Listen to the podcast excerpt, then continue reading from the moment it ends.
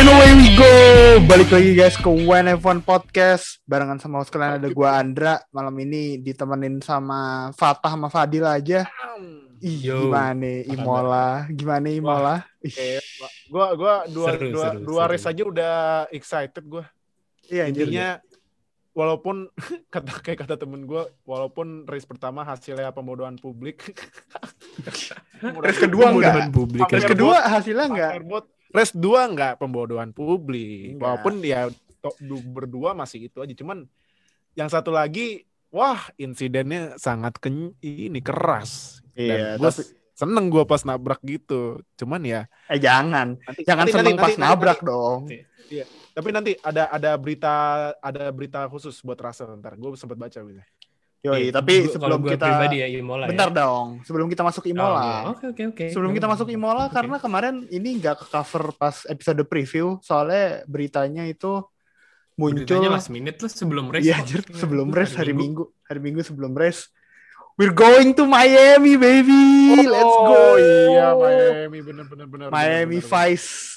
Kita bakal race di mulai 2022, kita bakal race Yep. F1 di Miami. Di tracknya itu nanti bakal dibangun di sekitar Hard Rock Stadium itu sekarang jadi kandangnya Miami Dolphins di NFL sama iya. University of Miami di NCAA uh, college football. Gimana guys? Miami anjir. Summer nih pasti. one- na- nama jalannya 199 Street nggak salah, gue lupa. Itulah. Itu street Nah. street ya, street circuit kan ya.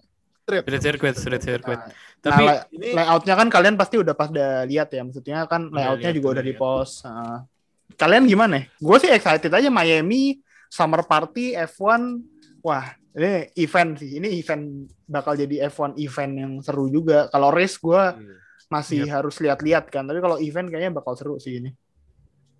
Eh, oh ya, sebelumnya ini kenapa Miami? Karena ini apa ternyata gue baca berita COTA atau Circuit of the Americans di Texas ya kalau salah. Iya, Austin, di Austin. Texas. Itu bakal lepas deal sama F1 Ya. pindah ke NASCAR. Ya, gue kira Makanya bakal buat- double gitu USGP-nya. Enggak, enggak, enggak, enggak. Lo enggak, rencananya tuh USGP emang dua nanti setiap Iya. tahun. Tapi yang Miami udah fix sampai 10 tahun. Nah, yang satu lagi masih dicari Yang karena kotanya kotanya ya. ya karena kotanya kan ter- ter- terancam gak jadi, terancam gak perpanjang kontrak, tapi si F1 tuh rencananya masih mau ada dua kali USGP gitu di di Amerika. Iya. Nah, cuman kan emang udah rumornya tuh Cota emang bakal pindah ke NASCAR. Nah, tapi gua pas tahu Miami, wah gua excited karena yang pertama ya mungkin beberapa ada yang tahu kan gua dan mungkin semua dari WNF1 nonton NFL. Yep. Nah, itu lewat Hmm, Hard Rock semuanya. Stadium. Hard Rock Stadium itu salah satu stadion kalau misalnya ada tier nih udah masuk tier atas ya kalau menurut gua Hard Rock Stadium. Udah masuk tier atas. Paling Karena- modern lah. Iya, karena Mewah. sering masuk jadi ya walaupun ya, ya, sering masuk jadi kandangnya Super Bowl. Nah, Kemarin kan terus- 55 kan, Super Bowl 55 kan di 54, di situ. 54, 55 di Oh iya Tracy. 54, sorry. 55 kan di Raymond James. Nah. Hmm. Terus yang kedua ini buat berarti F1 memang sudah melihat market Amerika buat F1 makin tinggi. Hmm. Iyalah. Nah, terus satu lagi em, menurut gua ini Miami deal 10 tahun buat ini, buat backup plan kalau Cota pergi. Kalau Cota cabut maksudnya. Karena emang Hmm. ya bakal Co- Cota bakal cabut sih habisnya ini sih eh, udah ada akun ini, akun Cota Nas- Cota at NASCAR kalau nggak salah. Oh, Salah ya? udah Hmm. ada. ya? Udah ada Ah. akun baru kan ada Cota. Ini ada Cota at NASCAR. Beda dua Oh, gitu. oke. Ini kok beda dua gini sih? Ada baru baru Oh, iya. kemarin baca. Websitenya Nah, sih Naskar Naskar at, at Naskar at Cota ini Naskar at ada Cota. websitenya. Hah. Saya masih Nah. kosong.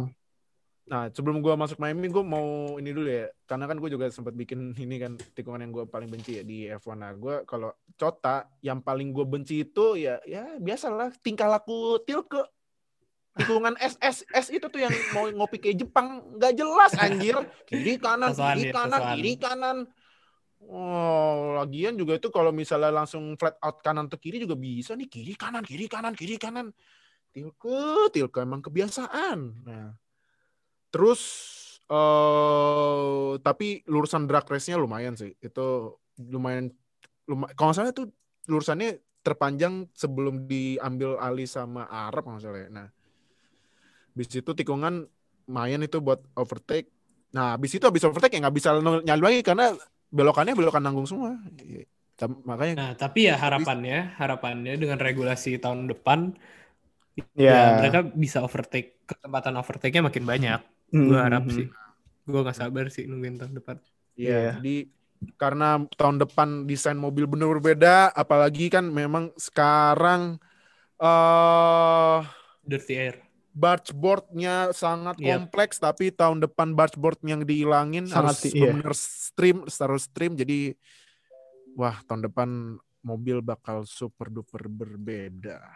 Yoi, bener. Dan makanya debutnya Miami ini bakal sangat ditunggu sih. Maksudnya uh, nanti ada satu ini ada lurusan lurusan straight yang panjang banget ya ini.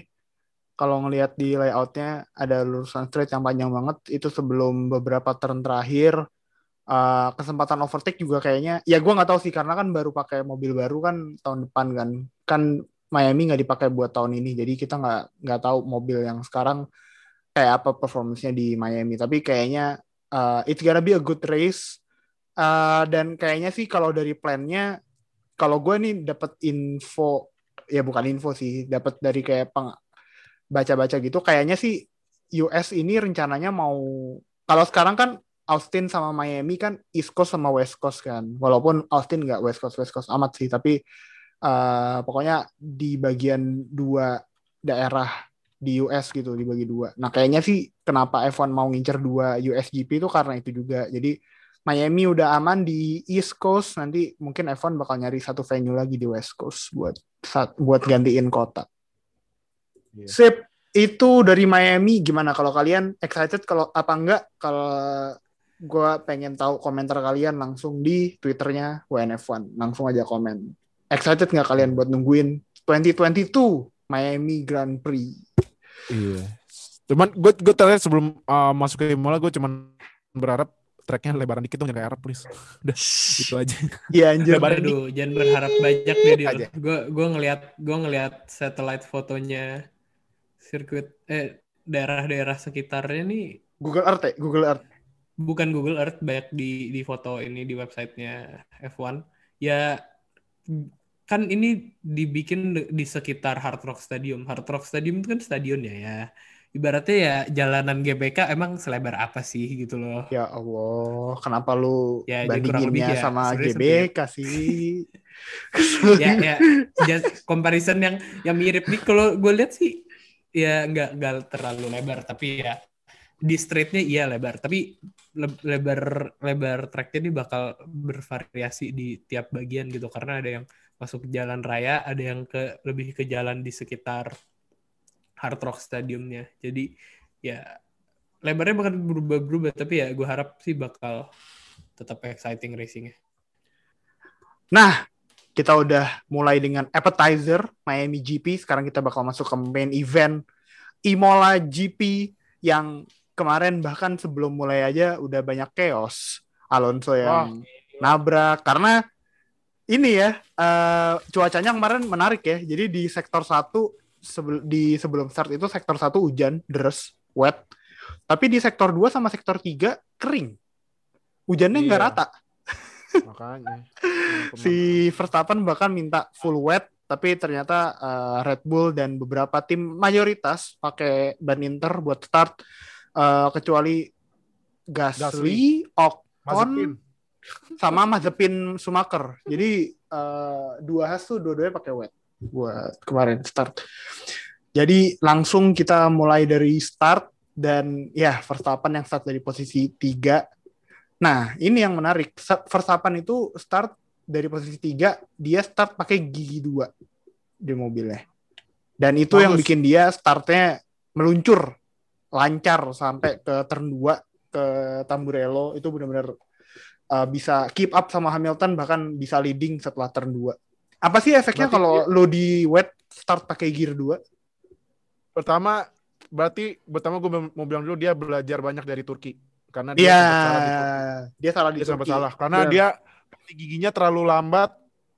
Nih, jadi gini, kalau lu ya sebenarnya kan hubungannya sama game ya, cuman ya sebenarnya game F1 sama kenyataannya agak eh, lumayan mirip. Jadi gini, eh ban pakai intermediate atau wet, tapi menurut gua walaupun licin ngaruhnya nggak terlalu banyak. Jadi kalau start itu kan gigi satu mulai kan.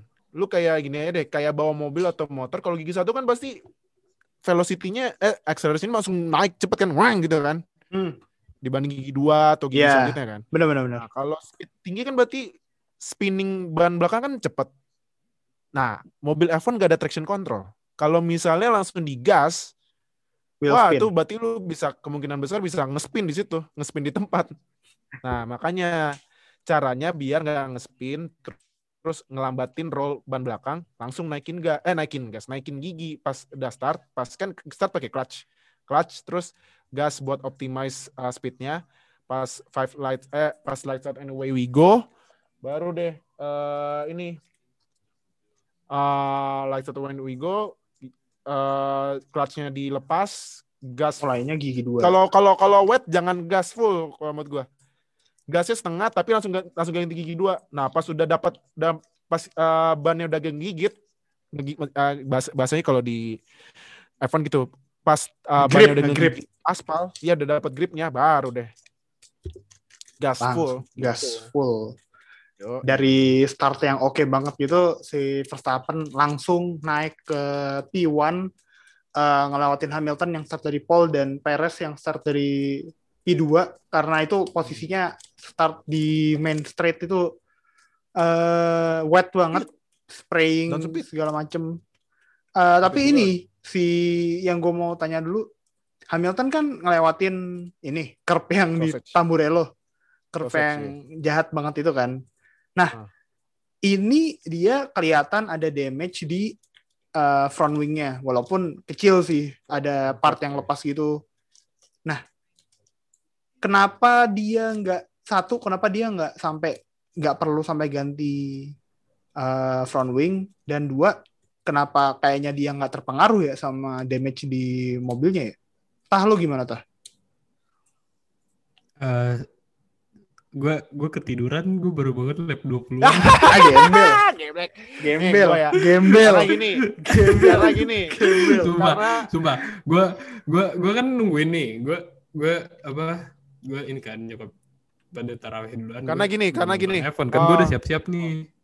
Ah, gue lagi nonton terus aduh ngantuk nih berapa bentar deh itu bangun-bangun setengah sembilan Bodoh amat, gini. pokoknya gue bangun pas Hamilton Verstappen pit deh nanti kita bahas juga Oh, oke. Karena gini, eh karena gini, menurut gua ya Hamilton ini menurut gua the drivers you hate to love sih sebenarnya pak. Lu benci tapi dia emang mainnya bagus. Gimana dong? Emang, nah, dia tuh dia dia emang gua akuin terkenal memanage super baik ya. Apalagi kan sering tuh kan udah di AWS ya ban udah merah tapi tetap aja ngegas. Gimana ceritanya itu kan? Nah, ini Hamilton ya karena expertise di F1-nya lebih jauh kan daripada Max. Perez ya beda-beda dikit lah ya. Cuman Hmm. ya Hamilton duluan. Nah, dia udah paham oh nih eh, depan depan udah berasa berasa agak-agak loose nih karena downforce-nya hilang ya udah dia atur gitu. Makanya dia nggak nggak berasa hilang. Mungkin dia pas belokannya itu dia remnya lebih cepet tapi langsung eh, langsung masuk biar exit cornernya nambah gitu. Hmm. Tapi iya Ya, sih Hamilton maksud emang- gua maksud gua eh, front wingnya yang lepas itu kan ya sekedar lepas aja gitu. Jadi kayak mereka sama sekali nggak mau ngeganti front wing gitu. Gua bingung aja anjir. Kayak emang emang nggak ngaruh ya front wing ada ada part yang lepas di front wingnya gitu. Kan pasti dibilangnya yang lepas itu front wing and plate ya. Berarti bagian depan sampingnya itu. Mm-mm. Dan itu bagian Kalau kecil kan- sih, bukan Iya, plate bagian kecil. keseluruhan Cuman gitu. lagi- Heeh. Cuman lagi-lagi ya ya F1 lu part se, se- satu senti aja tuh ngaruhnya banyak. Iya kan? Iya, berarti berarti Nah. Hamiltonnya bisa Yang manage remeh-temeh ya. buat kita Iya, remeh makanya again yang remeh-temeh kayak- buat kita terlihat penting sebenarnya Iya, makanya yang kayak seperti yang gue bilang you love iya ya tuh ya. You love to hate, Emang ya, you hate to love ya gitulah pokoknya. Nah, itulah. Nah, gue mau disclaimer dulu nih buat pendengar. Eh kalau ada driver favorit kalian yang spin, tapi gue nggak bahas, mohon maaf ya. Banyak banget spinnya dari kemarin. Iya, cuman cuman Gua kita lost harus track. bahas Gue lost track anjing berapa siapa aja Iya, yang cuman nge-spin kita kemarin harus- tuh. Cuman nanti pas akhir-akhir kita harus bahas pembalap kecintaan kita semua. Karena di spin. Tapi kalau masalah spin, eh, ini sih yang gue suka lihat, yang gue lihat suka kemarin tuh Science. Science tuh kemarin spin berapa kali ya? Banyak banget kemarin tuh. Gua Tapi- belum, tapi Sainz- gue belum lihat Iya, berapa kali tapi ininya. tapi Sainz bisa bounce back. Nah, Iya, dia finish kelima. Perez. Yang kasihan ini Perez. Perez nih cuman Perez nih spinnya padahal nggak sebanyak nggak sebanyak si Sainz kan. Sainz ini kan sering Iya. banget spin kemarin, tapi Perez Iya. eh, sekalinya spin langsung jatuh, langsung ya ya udah. Pak Pi berapa dia kemarin gue lupa. Ntar lu. Dia kemarin 12 finish 12 11 Pi 11. Di 11. Iya, makanya sayang banget. Sayang sayang banget. Padahal start dari P2 loh. Dia pertama kali ini kan, pertama kali start dari front row kan si Perez. Sayang banget Hmm. di ininya masalah itu. Tapi Sainz, gue balik lagi mau ngomongin Sainz sama eh kemarin. Menurut gue underrated driver kemarin emang eh Sainz sih, karena ya tadi eh, overcome berapa kali spin, berapa kali dia masuk gravel, eh, dia tetap bisa bounce back, tetap bisa P5 gitu. Yang menurut gue ini performance Ferrari terbaik semenjak udah agak lama gitu. Gue nggak pernah lihat Ferrari, bot Ferrari dua-duanya sebagus ini gitu. Tah gimana tah menurut lu tah? Overall team performance ya. Hmm. Menurut gue Ferrari yang paling bagus sih kemarin.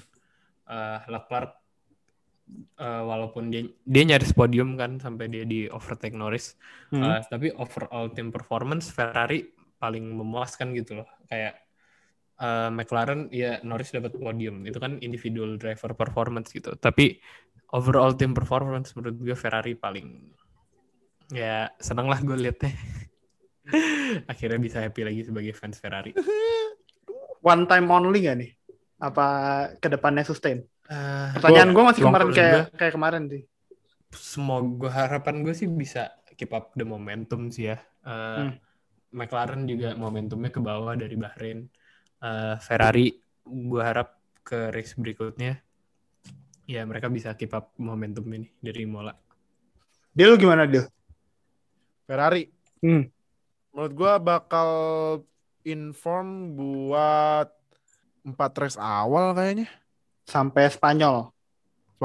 I ah ini Spanyol nih, gue belum tahu Ferrari karena kan memang Spanyol ini track yang sangat menurut gua sangat Iya. sangat tidak ideal parah. menurut gua. Semuanya. Tidak Karena ideal. susah nyalip. Aduh. Tapi kan nanti kan di Spanyol di abis di RS kedua itu kan nggak pakai yang masuk belokan kiri tuh, bakal yang pakai satunya lagi tuh yang agak lebar. Ah. Nah, Hmm. tapi menurut gua sisanya ya yang nggak ngaruh banyak. Lagian terakhir-terakhir pakai chicken nggak jelas.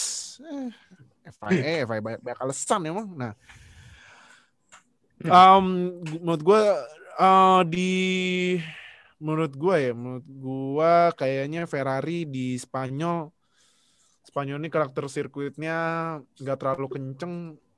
Kayaknya bakal kayaknya kayaknya sampai Spanyol masih bisa deh. Gak bisa Ferrari gue liat kalau sirkuitnya Hmm. rada high speed kayak Bahrain kemarin Rada Agak- sus. ada sul sih. Kalau yang Hmm, agak Iya, kejar di straight. medium. Kayak kemarin juga pas eh Leclerc tuh Leclerc bisa bisa masih bisa nempel kayak di sektor 1, sektor 2, masuk sektor 3 yang ada straight kecil sebelum dua turn terakhir kan mulai kehilangan pace tuh di di di gapnya udah kayak mulai panjang ke 8 0,8 0,9 sempat satu detik walaupun masih dapat ini juga. Jadi ya kayaknya sih di high speed circuit Ferrari kurang memuaskan mungkin. Masih belum dapat masih belum regain eh, mesinnya lah dari tahun 2019 eh, mungkin em, kalau sekarang ya peta peta ini timnya sekarang map timnya McLaren Red Maksudnya Bull McLaren harus Red Bull eh McLaren Red Bull aduh salah Mercedes Red Mercedes Red Bull eh Red Bull Mercedes sih. McLaren Red Bull Mercedes Red Bull McLaren. Mercedes Mercedes Red Bull Red Bull, juga Red Bull Mercedes McLaren Ferrari nah, Iya. Aston Martin lagi nge- Hmm. ngecewain banget sekarang Wah, kalau kalau ngecewain sih, kalau ngecewain sih ada nih gue satu Alfa Tauri Pak kemarin. Wah, anjir hancur sih. Wah. Alfa Tauri hancur sih kemarin. Alfa Tauri itu Eh, bener-bener kecewa banget gue. Sunoda, Sunoda, Sunoda sebenarnya Sunoda udah ini promising gitu kan start dari 20 at some point dia P10 gitu kan. Eh, nggak lama spin juga. Si Gasly pas start dia pakai full wet. Ya jelas Iya, jadi makanya, bulan aduh. jelas jadi bulan-bulanan anjir sama tim-tim lain yang pakai Inter. Ya, langsung salah. Alfa Tauri nggak bisa comeback sejak itu. Udah gitu, udah gitu kata komentator kata Crofty sama ini sama satu lagi. Gasly pakai ban Ini wet Martin itu bikin ngel- ngelambatin pace 10 detik. Iya. Jadi antrian di Gila. belakangnya gitu, antrian di Deh. belakangnya tuh jauh antri, banget. iya, antri, iya. Kan Imola kan emang kalau mau nyalip itu lo harus nekat banget karena tracknya lebarnya nggak terlalu lebar kan, cuman masih Ah. bisa. Iya. Ya karena Gasly pakai wet jadi 10 detik loh, makanya jauh. Gitu. Padahal padahal tuh kalau kalau Sunoda dapet P10 lah lumayan tuh 10 gain position buat recovery bagus loh. Tapi ternyata ya spin juga. Jangan kan tidak hanya untuk recovery tapi untuk tim fantasi saya, Pak. Nggak apa-apa, gue juga Sekarang masang gue dukung dukung dukung driver kalau tergantung ini aja, tergantung tim fantasi gue. gue juga gue juga masang Gasly gue kasih turbo kok anjir gembel tau gitu gue pasang turbo di Leclerc lumayan oke kemarin.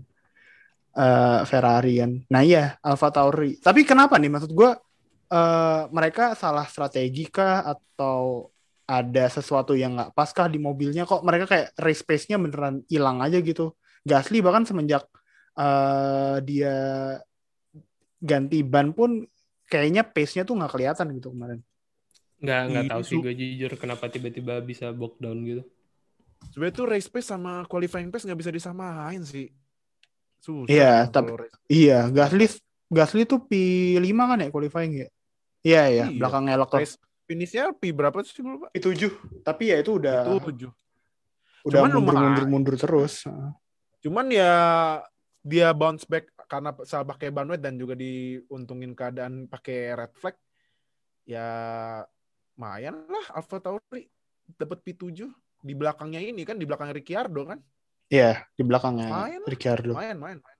Main menurut gue. Ya ini sih gue gua ya Sunoda kan lagi-lagi dia kan Rookie. ekspektasi Heeh. jangan ketinggian. Apalagi kemarin aja dia nih biasa ya anak muda nyoba-nyoba. Ini turn 9 dia abuse kena bendera black white. Black and white gembel. Black and Iya. white. Nggak kena penalti juga, kena penalti juga. Kena penalti juga 5 detik. Oh kena ya? Kena penalti 5 detik iya. Oh. Iya. Iseng, iseng, nggak apa-apa. Buat pengalaman, masih first first year gitu, nggak Iya, apa-apa. first year Expe- gitu ya, experience aja kan, pengalaman Iya, gitu, kan. emang. Oke, Alfa Tauri udah lumayan ngecewain. Nah, gue mau ngomongin soal McLaren. Ada satu momen yang menurut gue kuncian sih ini. Ini kita selalu selama ini kayak nggak suka gitu kan sama tim order. Kayak ini apa sih kok pembalap disuruh ngalah buat pembalap se- sebelumnya. Tapi kayaknya buat kasusnya McLaren kemarin, ini satu momen yang emang diperluin sih buat McLaren dan ternyata terbukti gamblingnya berhasil gitu. Norris masuk ke Norris masuk ke podium dan di lap berapa gitu gue lupa di first half of the race gue bagi race-nya gue bagi first half sama second half first half itu sebelum crash sebelum crash second half itu setelah setelah crash jadi eh, Lando Norris disuruh ngelewatin Ricciardo karena emang pace-nya Norris di atas Ricciardo dan cepet banget gitu jauh. Dan pas bener aja pas si Ricciardo ngasih jalan ke Norris jaraknya langsung berapa ya 8 detikan gitu 8 detikan di atas Ricciardo gitu.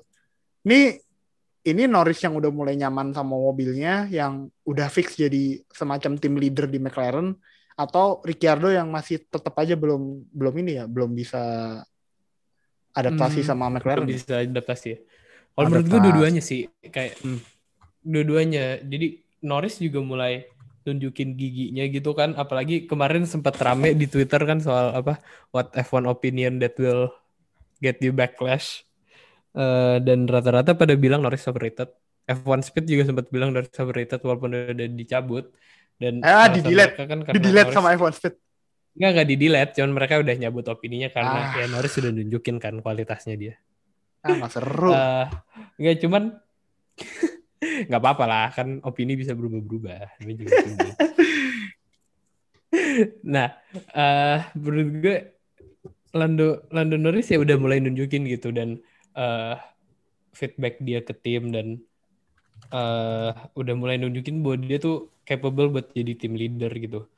Hmm. Dan itu juga pas dia eh, defending lawan Hamilton walaupun ya ujung-ujungnya ya karena beda Mobil. kualitas mobil. Hmm. Tapi kan dia sempat lumayan eh, ngelawan Hamilton tuh dan menurut gue itu udah nunjukin lah kayak kualitasnya Norris.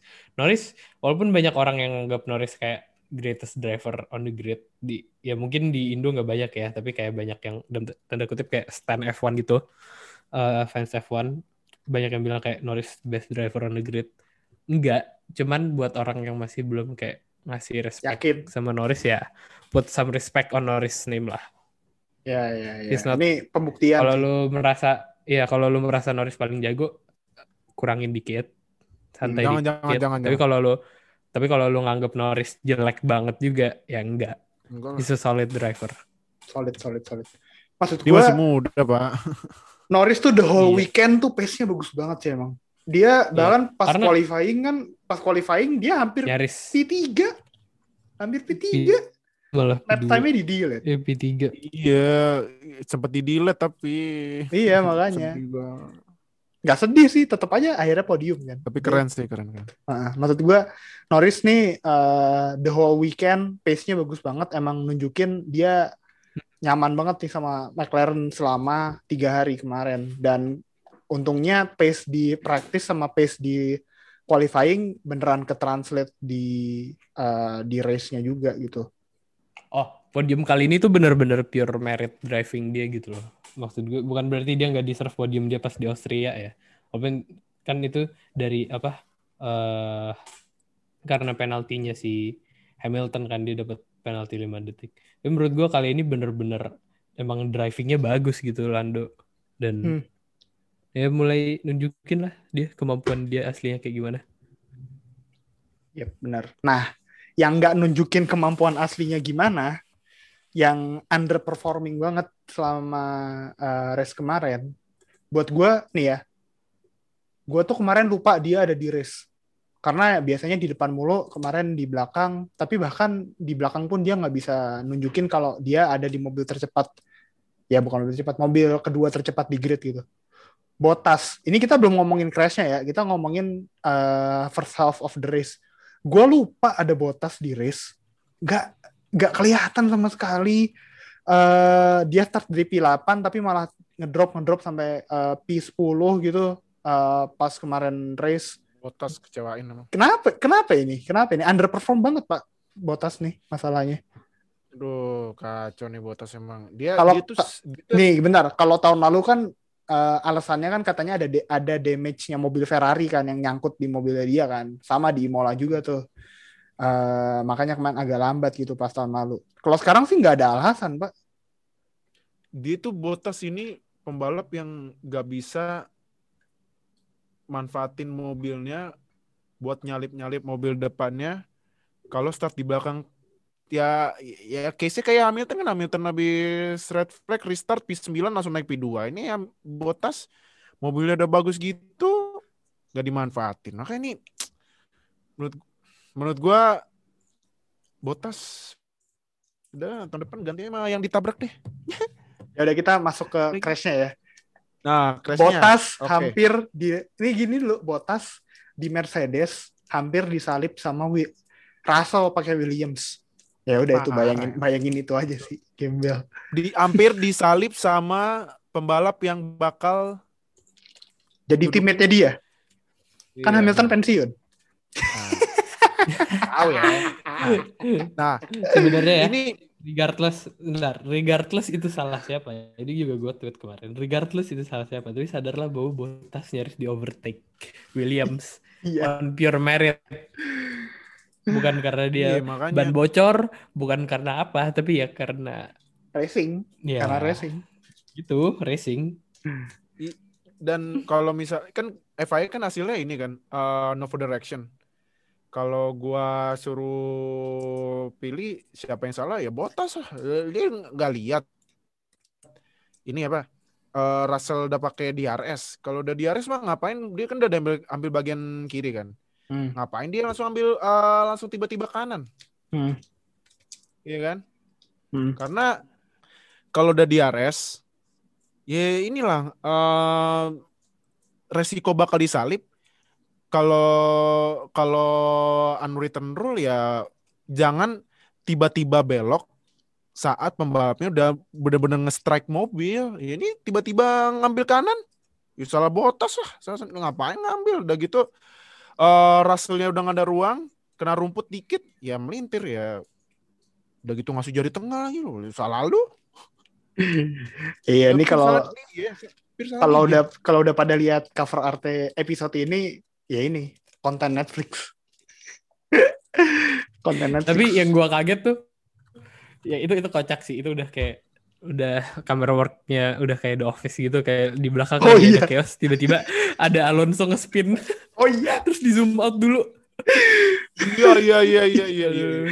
Aduh. Itu itu gue itu gue saking gue penasarannya ya itu sampai gue mundurin dulu tuh gue pengen lihat ulang si bot si George Russell ngegeplak palanya botas. Terus sampai pas safety car pas rolling start lagi gue lupa bajuin lagi. Jadi ketinggalan gue gue lagi nobar sama temen gue gue klipnya ketinggalan anjir gue lupa bajuin lagi. Tapi itu apa ya? Udah nunjukin. Itu George Russell udah emosi banget sih soalnya kan dia emang cuman pengen dapat poin ya. Kan dia belum dapat poin nih di Williams. Dia ngebet banget nih pengen dapat poin terus tiba-tiba gara-gara kedorong ke kanan kayaknya ya kalau menurut gue ya deal ya Ah. salah dua-duanya sih George Russell itu gue liat onboardnya ya itu masih ada space sebenarnya bukan bukan salah Bottas juga Iya, sebenarnya kan Bottas juga ngambil ke kiri dikit gara-gara emang mau belok kiri. Eh dia ngambil kanan dikit soalnya mau belok kiri kan. Karena kalau dia nggak ngambil kanan tuh eh dia malah dia yang kena rumput. Tapi George Russell-nya terlalu agresif juga ke kanannya kayaknya kagok gitu. Habis itu bebannya masuk rumput. Jadi ya begitu. Iya, iya sebenarnya ya kan makanya kan kalau kalau kalau yang lain kan bilang salah dua-duanya kan makanya jadi hasil FIA kan no further action. Yap, benar. Hmm. Kalau gua ya kalau gua mah karena ya lagi-lagi gua kan main F1, gua ada- emang emang udah ada peraturannya jangan pernah tiba-tiba belok kalau misalnya mobil udah striking karena itu emang di F1 juga Hmm. pembalap pasti kesel gitu. Nah, Iya. ini lu udah dapat lu udah dapat uh, udah dapat speed nih dibantu DRS. Tiba-tiba belok ya. Lu kan harus ada beberapa 0,00000 reflect reflect time kan buat itu mobil. Nah, ini kan mobil Iya. F1 lu belokin berapa 5 derajat aja udah berantakan mobil. Ya makanya ini kan tadi gua Iya, gua kan iya, dari iya, one rewind lagi ya. Ini Bottas udah ambil kiri. Dia udah bener kiri banget, ya kan? Dan saat kiri itu si Russell udah nge-slipstream dia. Slipstream udah dapet, dia langsung belok kanan. Nah, belok kanan tiba-tiba Bo- Bottasnya ambil kanan lah. Ya salah salah Bottas lah kalau gue ya, salah Bottas lah. Karena eh, dia nggak ya kalau kalau gue sih dia nggak ngeliat si Russell udah pakai DRS apa mungkin dia malu kali di salib Williams sudah tabrak aja lah atau mungkin disuruh Toto. Nah, enggak lah. enggak lah, enggak lah, enggak lah. Cuman kalau gue kalau gue mah ya salah Bottas lah. Kalau gue ya. Kalau kalau ini sebenarnya emang opininya ini sih ber- dua arah emang.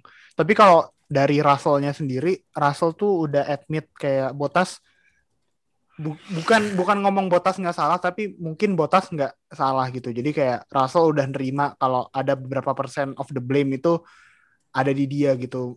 Botas nggak 100% salah, tapi mungkin ya 50-50 lah atau 60-40 uh, di advantage di Russell gitu. Jadi Russellnya sendiri udah mungkin pas lihat-lihat apa lihat-lihat footage lagi udah mulai tenang baru dia bisa nge-review.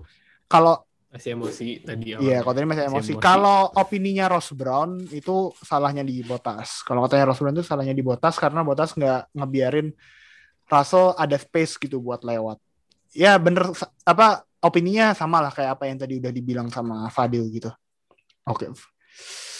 Tapi sebelum eh, itu, jadi Russell ini kayak ini ya nge bukan jatuhnya ngebantu sih, tapi timingnya pas aja gitu.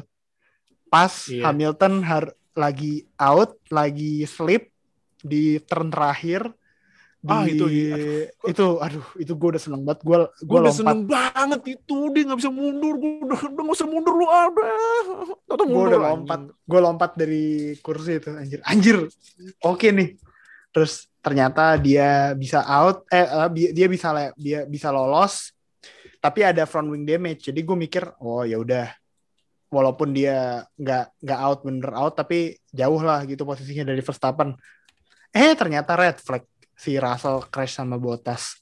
Gue nggak bilang itu konspirasi bukan bukan lah. Maksudnya ya masa ada orang yang bisa setega itu hampir ngebahayain driver lain buat nguntungin satu driver doang nggak mungkin. Menurut gua nggak mungkin selicik itu sekotor itulah uh, F1 tapi nih ya kalau yang ngikutin Attack on Titan ada karakter yang namanya Rainer Rainer ini kan udah pengen banget kayak pengen banget mati gitu kan kayak tapi sama kreatornya Attack on Titan tuh dia dilindungin banget lah sama plot armor jadi dia nggak ada sesuatu yang mau bikin dia mati, dia nggak mati-mati sampai chapter terakhir dia tamat. Spoiler alert. Nah, menurut gue plot armornya Hamilton itu lebih tebel daripada plot armornya Rainer. Nah ini selanjutnya yang mau gue tanya. Setelah red flag itu, gue gua nggak begitu baca, gue belum begitu baca peraturan F1 gitu. Tapi gue bingung di sini. Itu emang mereka orang-orang yang udah di overlap tuh boleh nggak unlap diri sendiri dulu ya sebelum mulai start lagi ya? Apakah Eh. selalu kayak gitu? Karena kalau dari red flag gue baru lihat baru gue lihat baru ini sih mobil-mobil yang di belakang tuh disuruh muterin track dulu sekali buat uh, nge-unlap diri mereka sendiri. Nih, Ah, aduh, gua oke, ada oke. link nih. Aduh. Jadi tuh eh memang peraturan F1 itu kalau ada tim yang eh tim pembalap yang o- udah di overlap terus tiba-tiba eh safety car eh itu dibolehin buat lewatin safety car buat eh, ambil satu lap yang di overlap biar di reset lagi dari awal gitu. Nah, Makanya kemarin pas di overlap eh pas reflect itu yang mobil-mobil yang kena eh, overlap disuruh lewat duluan kan. Nah, eh, makanya pas gua pas tiba-tiba situ kayak gue oh iya emang kayak gitu peraturannya. Cuman kan pas awam nggak paham kan. Nah, ini gue ada eh gue ada ini sebenarnya ada ada link cuman di ini cuman di Reddit nih mungkin mungkin ini kali sambil ngobrol gue eh, share juga nih. Nah, Boleh, boleh, boleh. cuman kalau kalau peraturannya emang gitu sih. Itu. Oh, oke. Jadi emang emang dibolehin ya. Soalnya gue bingung di- nih. Gue bingung nih soal ini soalnya. Di, di- dibolehin karena ada race kapan gitu pas safety car eh, langsung ada pengumuman car nomor Bingung ini dibolehkan le- melewati safety car gitu. Hmm. Cuman ya habis lewatin lo harus ngebutin mobil Hmm. karena kan ngejar ngejar safety car-nya. Ngejar safety car-nya.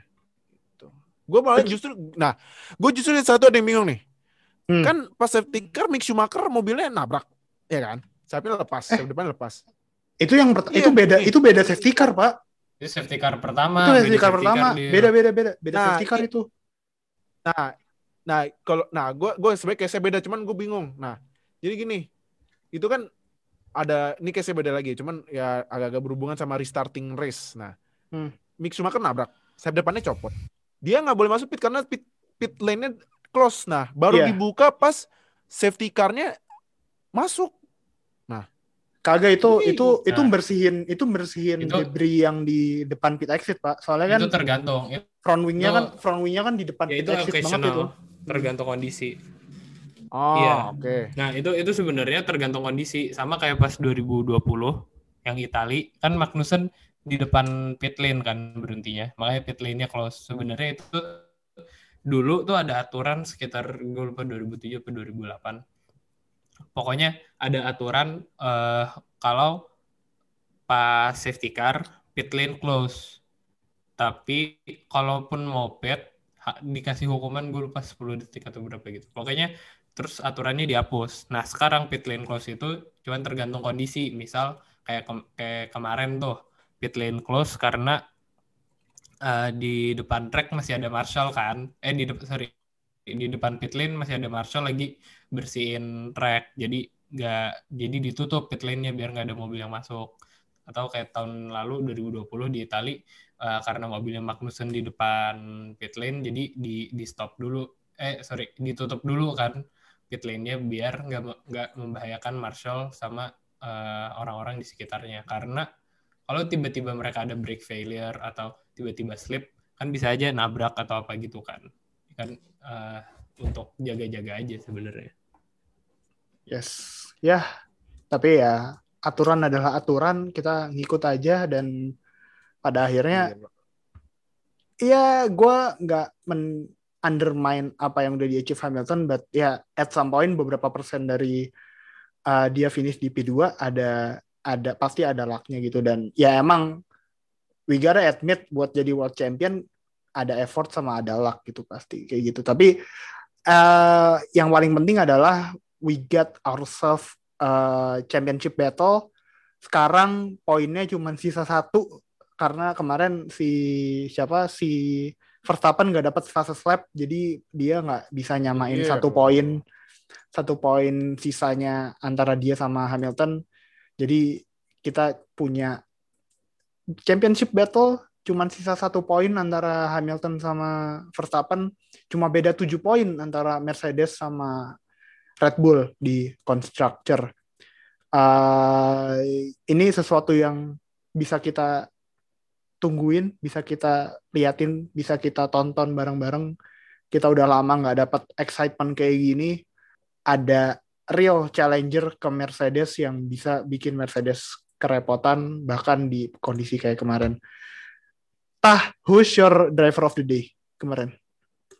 Eh, Hamilton sih menurut gue comeback Hmm. drive-nya ya regardless mau argumennya kayak eh, tim dia mobil dia paling bagus kayak oke tapi ya kita lihat Bottas kan jadi ya menurut gue driver of the day Hamilton buat lu crash terus eh dan start ulang dari P9 Sembilan. kalau nggak salah Iya, ya P9. itu that's, that's not Sampai duduk stres. bukan bukan sesuatu yang gampang sih. Jadi ya Hamilton.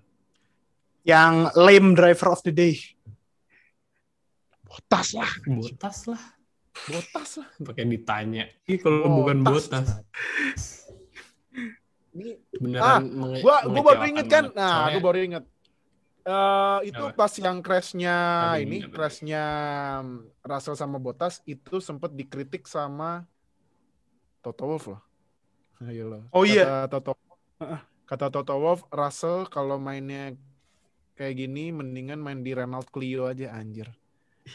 Tapi bercanda sambil ketawa Seriusan? gitu konteksnya. Iya, tapi konteksnya dia sambil ketawa gitu. Like, Iya. Nah, cuman ada cuman ada lagi komen lain ya indikasi yang bilang ya intinya lu udah lu udah tahu disiapkan buat bawa mobil ini the Silver Arrow ya mainnya yang bener lah rapi, rapi, rapi. rapi gitu Hmm. gitu makanya jadi ya menurut gue itu bukan buat ini sih bukan buat knock apa eh buat ini apa eh, knocking on the kritik halus, kritik halus. Kritik halus. Iya, sentilan harus, cuman ya itu buat ngebuktiin aja ke Russell ya Russell better than Bottas mau mau disalib gitu pakai Williams gila. Lo Dil, driver of the day lu siapa Dil? Hmm, Norris, mau tahu kenapa? Karena ya? dia bisa pakai ban soft yang di lap-lap terakhir udah habis tapi bisa nahan, Nahan Hamilton, Hamilton. walaupun disalip ya. Dia bisa nahan dua Ferrari. Eh, dia walaupun dapat eh, advantage disuruh ini ya, disuruh lewat apa di, dapat tim order sama McLaren ya, tapi dia nail it gitu. Tim ordernya berguna kalau ini. Iya, iya. Hmm. Jadi gue pilih Norris kalau bust of the day-nya ya Botas. ya siapa lagi yang ngasih jari, jari, jari tengah soal dia. Kalau gue ya. Kalau gua driver of the day-nya kemarin Sainz.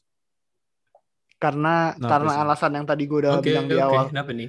Ngespin beberapa kali kalau gue udah jadi Sainz sih ya maksudnya kalau driver-driver biasa udah jadi Sainz mungkin ya udah stres aja gitu terus nggak bisa balik ke performance awalnya gitu. Tapi dia nunjukin mental yang udah oke. Okay.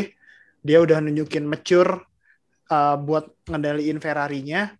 Dan walaupun dia spin sampai beberapa kali uh, dia tetap bisa finish di top 5 dan bener sesuai prediksi gue kemarin Ferrari dua-duanya bakal top 5 dan ya ada bonusnya lah. Maksudnya Sainz dengan yang race lumayan susah buat dia dia tetap bisa deliver di top 5 basnya ya botas juga sih. Maksud gue masa gue sampai lupa gitu ada botas di race anjir. Kayak aneh banget. Aneh banget botas kemarin tuh nggak nggak ada pace yang nggak kelihatan sama sekali. Ah. Botas tuh harusnya botas tuh harusnya ada di posisi Norris sih menurut gue. Dia harusnya yang ngejagain Hamilton. Yang tetap nempel ke Verstappen dan pas Hamilton bisa catch up, ya dia ngelepas Hamilton gitu loh. Hmm. Tapi ya sebenarnya posisi Tapi kemarin dia kayak gitu gimana? Posisi kemarin buat teammate nggak nguntungin sih maksudnya kalau kalau aja Verstappen itu pas itu masih ada Perez dan Perez nggak kena stop go penalti 10 detik mungkin Perez bisa tuh nahan Hamilton juga pas dia mau comeback uh, dari 9 itu. Mungkin posisinya nih pas restart posisinya dia mungkin di depan Hamilton si Perez bisa ngejagain Hamilton buat selalu di belakangnya dia. Jadi posisi podiumnya tetap diisi sama Verstappen, Norris, Leclerc kemarin. Jadi ya itulah banyak lah yang terjadi di race kemarin. Uh, spin ada, red flag ada, safety car ada, crash gede ada, comeback drive ada, dominant drive dari Verstappen juga ada gitu. Uh, next stop kita bakal ke Portimao dua minggu lagi.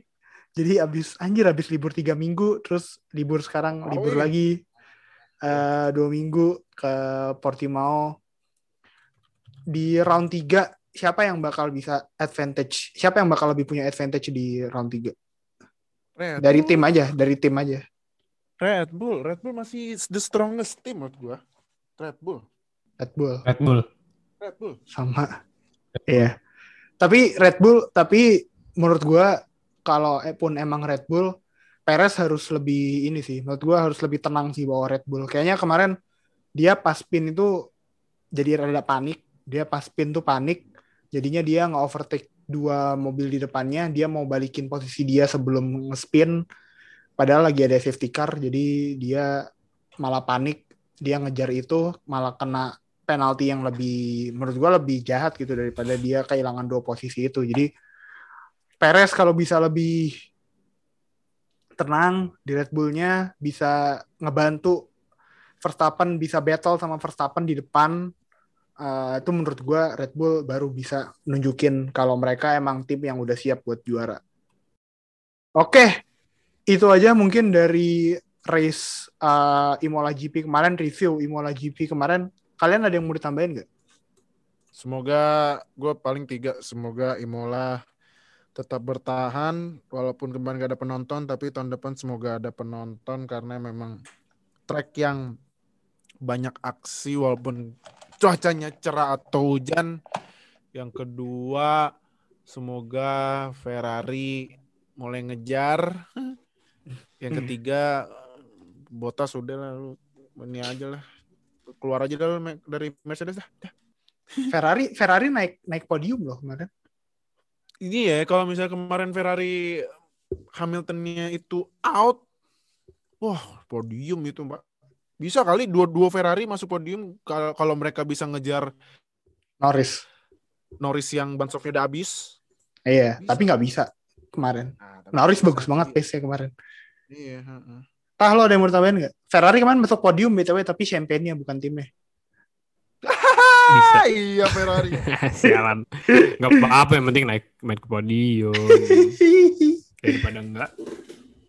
Ya gue harap sih Ferrari membawa bisa membawa momentumnya ke race berikutnya gitu aja sih kalau gue iya iya iya iya ya.